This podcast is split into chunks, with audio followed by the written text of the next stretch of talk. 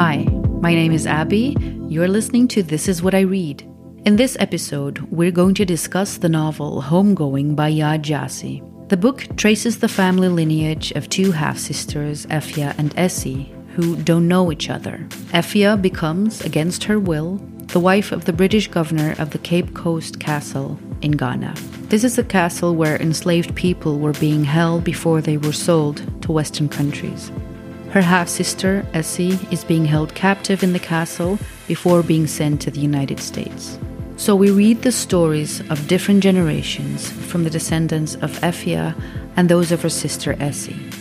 Homegoing is a devastating story, painfully dissecting the horrors of slavery, what it has done to those who were taken and to those who stayed. I will be talking about this book with Isaiah Lopez, an American artist who's based in Brussels. I'm smiling right now because this is always it's always funny to speak about yourself, but um, I'm an artist and a writer, and I have what I call like a socially engaged practice. So I work with performance a lot, and that involves working with other people of Black African descent. We collaborate. We might speak about histories. We might speak about um, queer identities. We might speak about art. So this is a big part of my practice is actually working and collaborating with with other people. They may or may not be artists. And one of your projects is called Hymn Noir. Yes, uh, this is a blog. Um, it's not very active at the moment. I think I've sort of switched to writing on Facebook, whether that's writing on my own personal page or writing on uh, Hymn Noir's page. But I'm writing a lot about race, writing a lot about racism, writing a lot from a very personal perspective, which I think I learned from people like Grada Kilomba and people like Bell Hooks that uh, the personal is uh, powerful and it is necessary as well. It has a function when we think about efforts to dismantle racist structures and racism, you actually have to listen to the stories of the people who experienced racism. Yeah, exactly. BPOC have to deal with racism. You know, we have to dismantle it. There's just no way of going around it. When did you start considering there are power structures that work against me? When did that come to you? I think it came at different points. That's a very good question. I think it came at different points. I think as a child growing up in Los Angeles, so for me, like uh, Los Angeles also includes Los Angeles County, where there's there are different um, cities that make up the greater Los Angeles area. But you know, f- pretty much as a child, like your family, your grandparents, your parents are basically explaining to you. I think something that a lot of BPOC can relate to. It's like you're gonna have to work twice as hard for half as much. Uh, I learned as a child um, very early that the world was an unfair place. In fact, my mom didn't allow me to say, you know, life, something's not fair because she would say, well, life is not fair. So that word fair is not even really a part of my vocabulary. But I think, you know, as an adult, as a teenager, you also sort of have different awakenings. And I think probably the most recent one that I've had began with my journey moving to Germany and being racialized in ways that I wasn't necessarily racialized in Los Angeles. So you moved around. You you lived in Berlin. Now you live in Brussels, but you were from LA. Yes. Originally, how did you end up in Brussels? Uh, I ended up in Brussels. I think you know, I had this lovely story where I met this uh, French DJ in Berlin. Um, at a gay bar and apparently like we kissed but i didn't we met the next day but i didn't really remember that we kissed. Mm-hmm. um, i know that sounds really awful but he he was very sweet about it and he invited me to come and visit him and this was in 2010 so i came to visit him uh, and i found the city to be a really charming place. It was really cute. Um, it was uh, it was also this experience of seeing so many people of color which i didn't particularly see in berlin and over these past few years, Brussels has always kind of been in my periphery. And then I had a chance to do some work here as an artist. And I said, you know what? I need to be here. And I think what attracts me about Brussels as a city is that as an African American person, I feel like the kind of racism that I experience in Brussels is more manageable. Whereas in Berlin, it was more violent. It was more in your face. And also as an artist, I was often being invited to speak about racism or to create work about racism for these white institutions and organizations. but when I would do that work, I would I would uh, often face challenges. When you say that the racism was more manageable, what do you mean by that? Well, I think there's a lot of violence that I experienced. Some of it was physical, and some of it was more um, a rigid clinging to ideologies that are inconsistent and um, hurtful and lead to injustice and, and more violence. And so there were so there were so many things that were happening, particularly in working environments, where again I had been asked to do something or to prepare something, and I was constantly dealing with with racism. And there weren't so many in Germany. You don't really have so much room to fight this because the laws and the the anti discrimination laws are um, not where they could be, basically. Mm, okay. So there's a difference with Belgium. I'm not sure. I think the difference in terms of the laws, I'm not sure what the differences are. I think in, in Belgium, uh, the types of racism that I face are a little bit more um, things where I can just say, okay, this person is racist, but it's just stupid, like what they're saying. Mm. Like someone telling me, um, oh, I've been having a lot of political sex uh, this oh. year. And I was like, oh, okay. I was like, I don't know this white woman very well. I don't understand why she's telling me about her sexual business, but anyway. And then she expl- she's speaking about political sex, and I'm thinking, oh, she's like a spy or something like that. Well, like, good for her that she's like using her body to help people. And I'm like thinking to myself, I couldn't, I don't know if I could do that. So respect. And then she says, yes, I've been having sex with um, African American men, um, sex with men from, you know, other country I won't mention. But then I was just like, okay. That's what she calls political sex. Yeah. Wow. Okay. That's just racist sex, in my opinion. my opinion as well. And I think that's the thing about racism. Again, you're you're often confronted with this ma- madness but I don't want to call it that because I think it's actually very well um, manicured, if you will. It's actually very well constructed. It's actually um, there's a lot of investment in it, so I don't think that it is madness. But you're presented with it, and you're supposed to affirm it. I think that I can deal with more than um, you know being invited to give a talk or or um, and then the people are saying, well, this is really problematic. And we, we received all of these complaints. And I'm like, okay, who complained? We can't tell you that.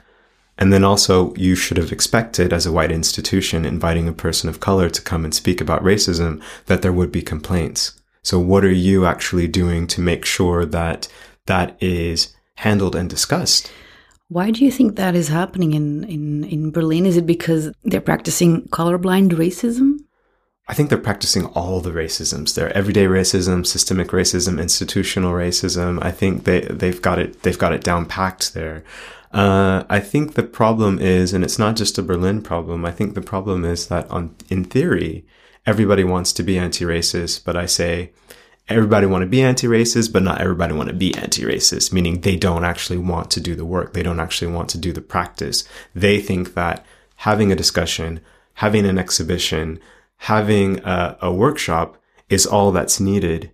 And you have to realize that it takes more than that. It, these systems have been in play for hundreds of years. They're still in play. It's a never ending process.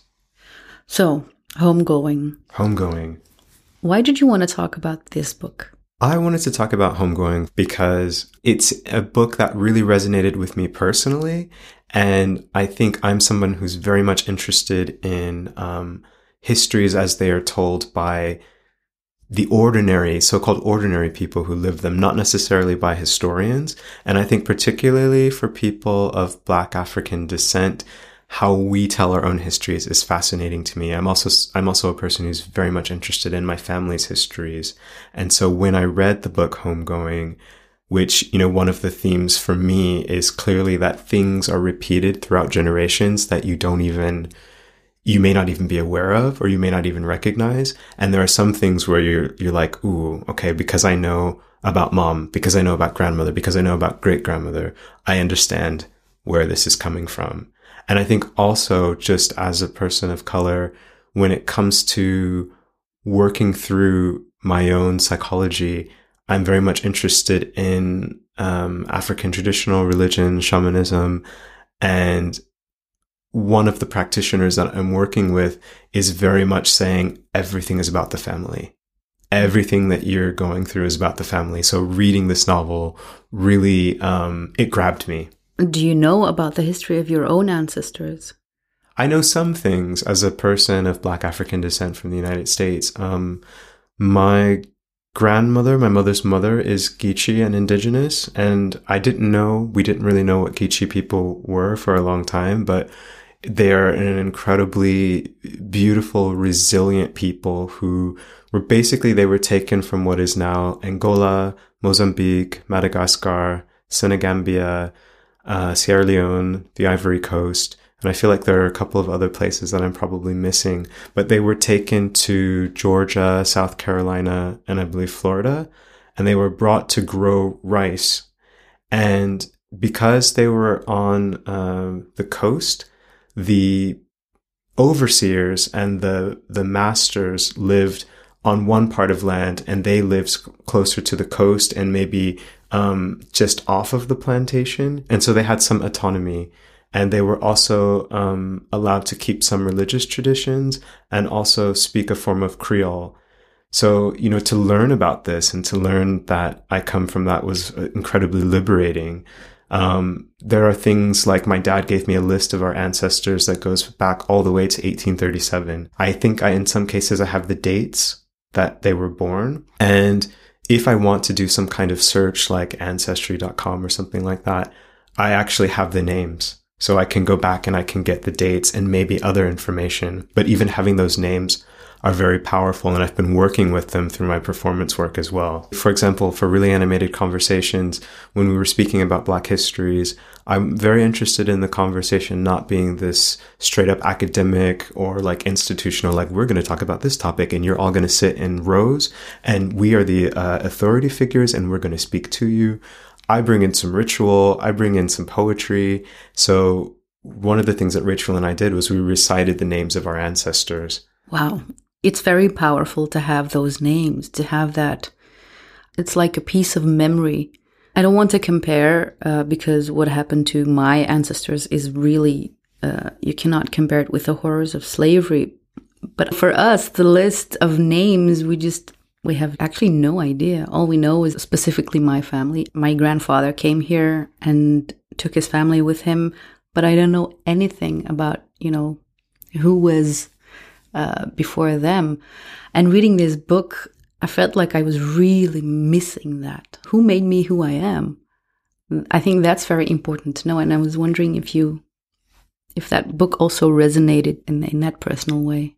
Definitely, Abby. I mean, I think one thing that I can say um, from personal experience, and I think the book also kind of um, reminds us of this, but we all are, are carrying things that we are not even aware of from our ancestors. So like maybe I have that the names, but there are also other things that I can share that I'm carrying. For example, I was always attracted to blue bottles. And when I say blue bottles, I'm talking about like the really kind of Yves Klein blue bottles.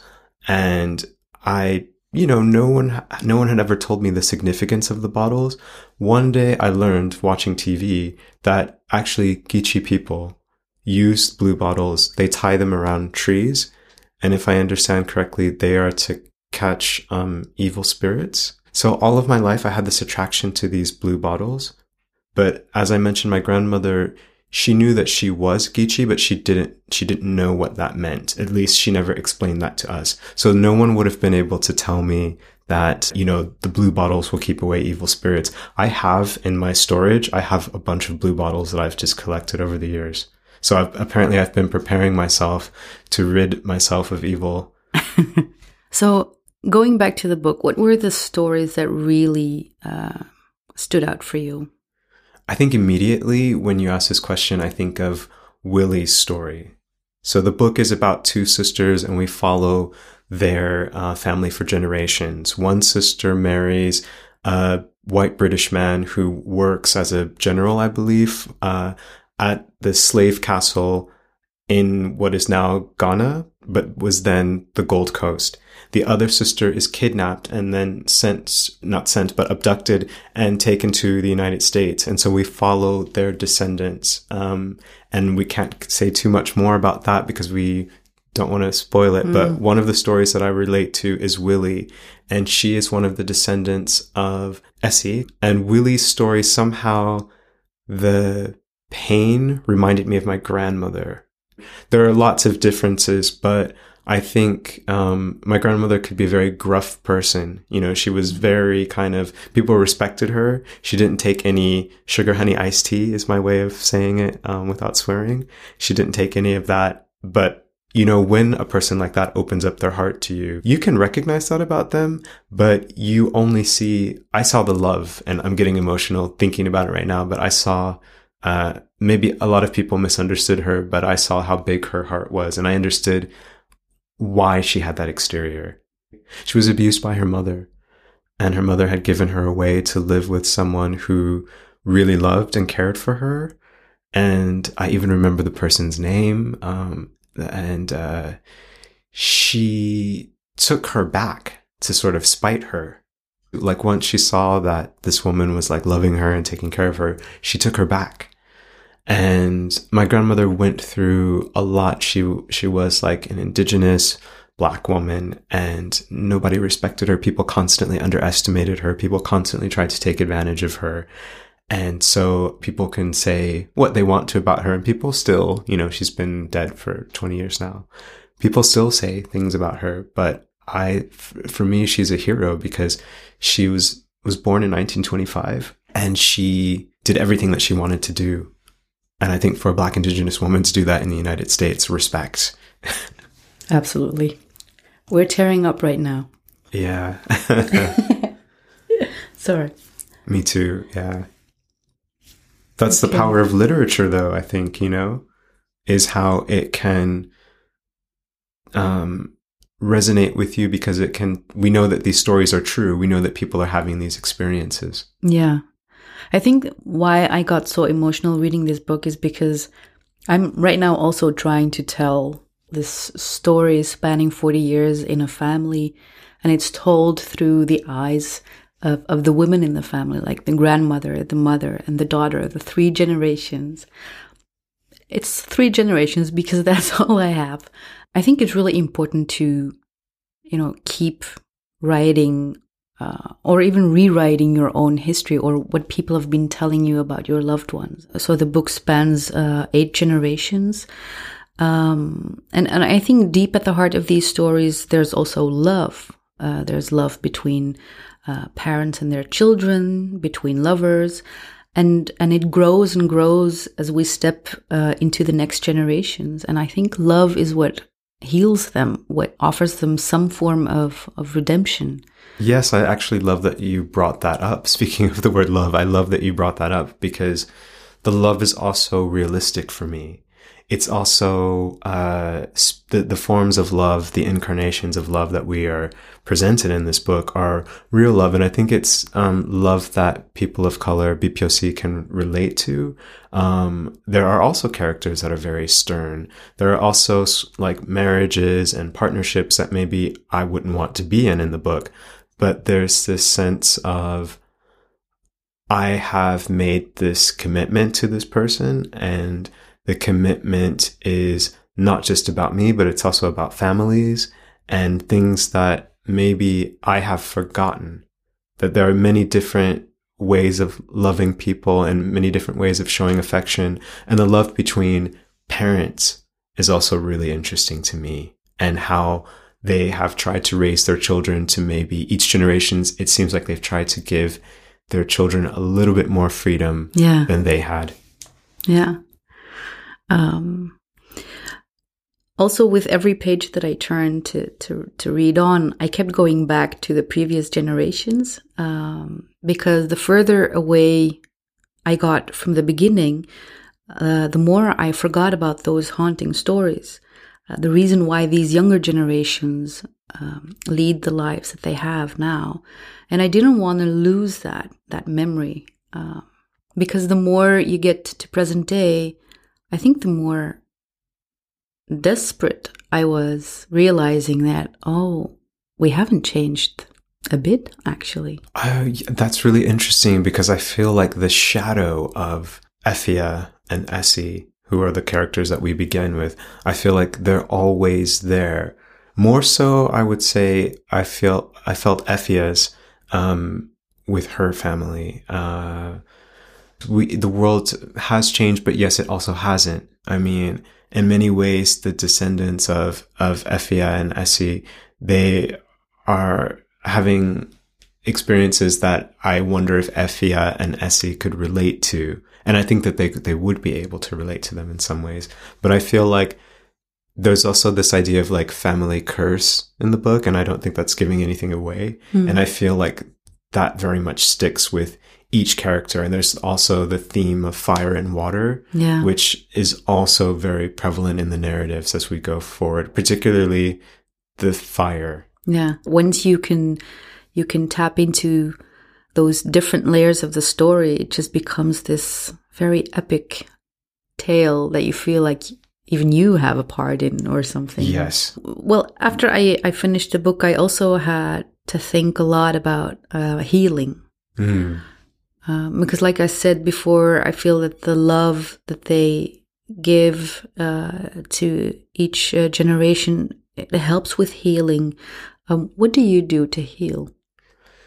Ooh, that's a big question because I'm still trying to kind of figure that out in a way. I think moving to Brussels, um, you know, I'm still kind of in between Berlin and Brussels, but basically the commitment to being here, um, and the, the, the act of being here is in many ways of it has been very healing.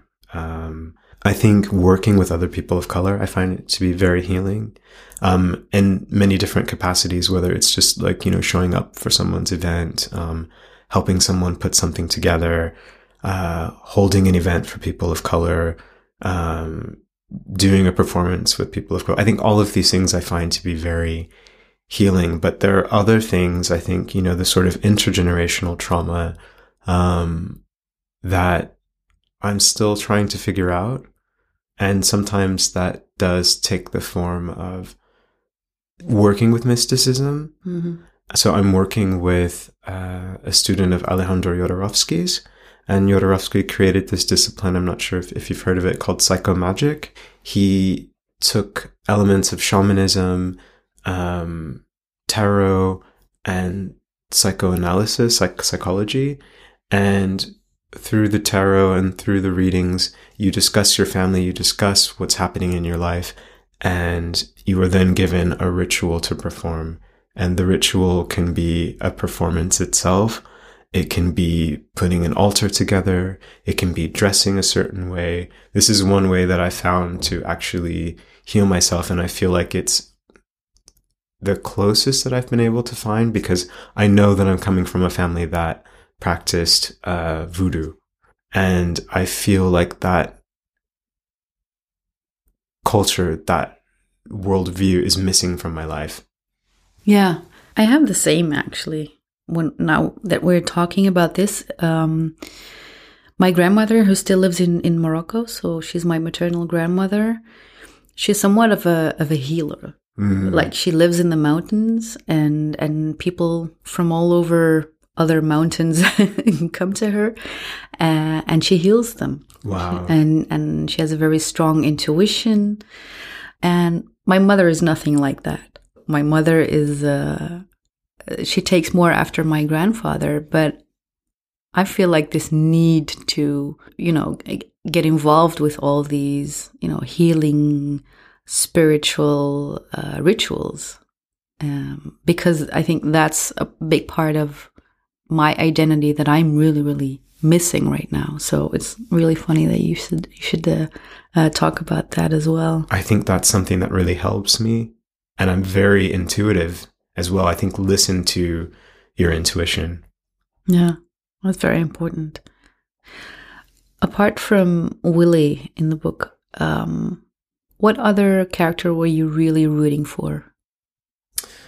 Wow. Okay. There's so many characters for for the people who are listening. Um, there one of the characters that I think that I was really interested in was H. Mm. And Two Shovel H. Two Shovel H.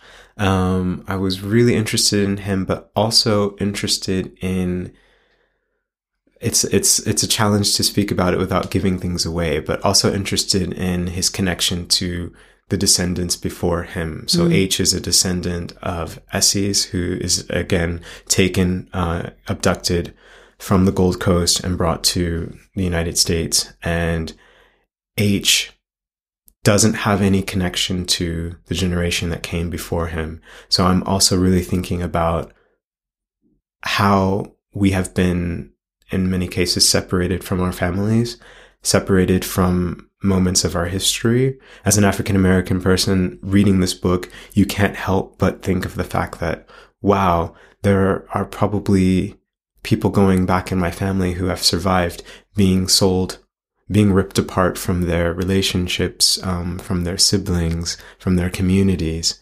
And I think in H's story, you really, you really feel that. I think also Effia, you know, as she sort of introduces uh, us to the story and to these families, to this family, Mm. um, how she's treated by her mother um, is something that I can relate to because I was raised by my mom and my stepfather, and he was very abusive, not in the same ways that Effia's mother was abusive, but I definitely felt um, sorry for her, and I definitely connected with her, and I even wish that I had behaved in some of the ways that she behaves, and so it also brought this kind of moment of where you're cheering her on, but then I also felt a little bit sad that I wish I could have been as graceful as as she was. Not that you have to be graceful in situations of violence. No, exactly. You can be you can't be so hard on yourself. I think all of us should should cut ourselves some slack. I think the word that you used before, um, resilience. I think sometimes that it is expected of black and brown people to be resilient um, because you have had all these all this hardship and the generations before you as well and it's almost expected that you have to suck it up be resilient and move on because this is how it is and i'm i don't know i'm sometimes i, I am very much like that i'm the oldest of 10 children so i really had to grow up really fast Okay. so I, I have that, but I don't want to pass that on. I do want to pass on to my future child or children, who knows. It's okay to not always be this resilient.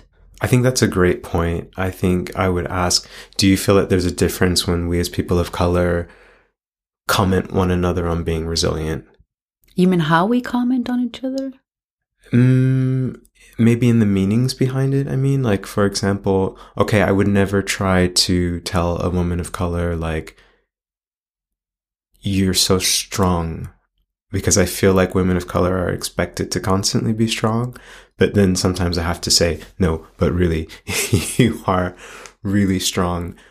I understand what you're saying, but I think sometimes if another person of color tells me, like, you know, they see my project things you can tell just by looking at him where I'm talking about racism and anti-blackness and some of the things that I've experienced. People have told me like, wow, like you did that for 11 years, like respect. Mm. And it's different than a white person saying, oh my gosh, like you're just so strong. Like, Oh, it's yeah. just like, it's like, get out of here with that.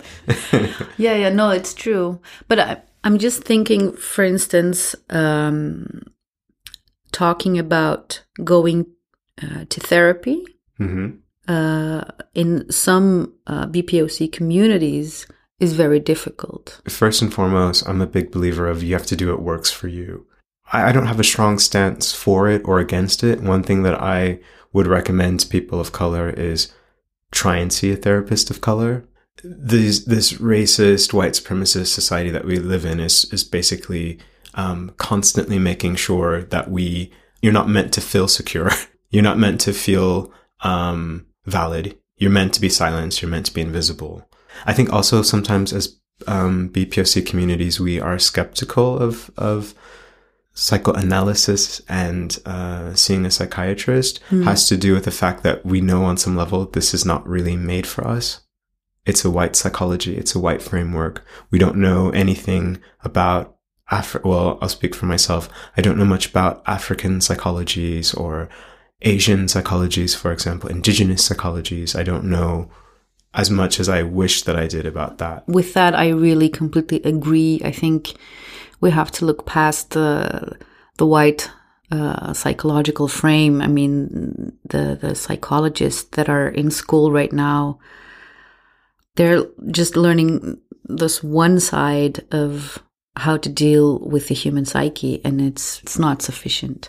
Um, but I just feel like talking about what is hurtful and and and asking for help is also just something in some communities is very difficult to talk about because yeah there's also this feeling of shame um, but when you read a book like homegoing even though it's a fictionalized story you really see how someone becomes so uh, displaced emotionally I agree. I mean, I also think that uh, you see how some characters are struggling with um, several forms of, of trauma and how in their communities they're referred to as being crazy or uh, their families are very skeptical of what they're doing and and and uh, so I think there's also this the stigma of that that works against us.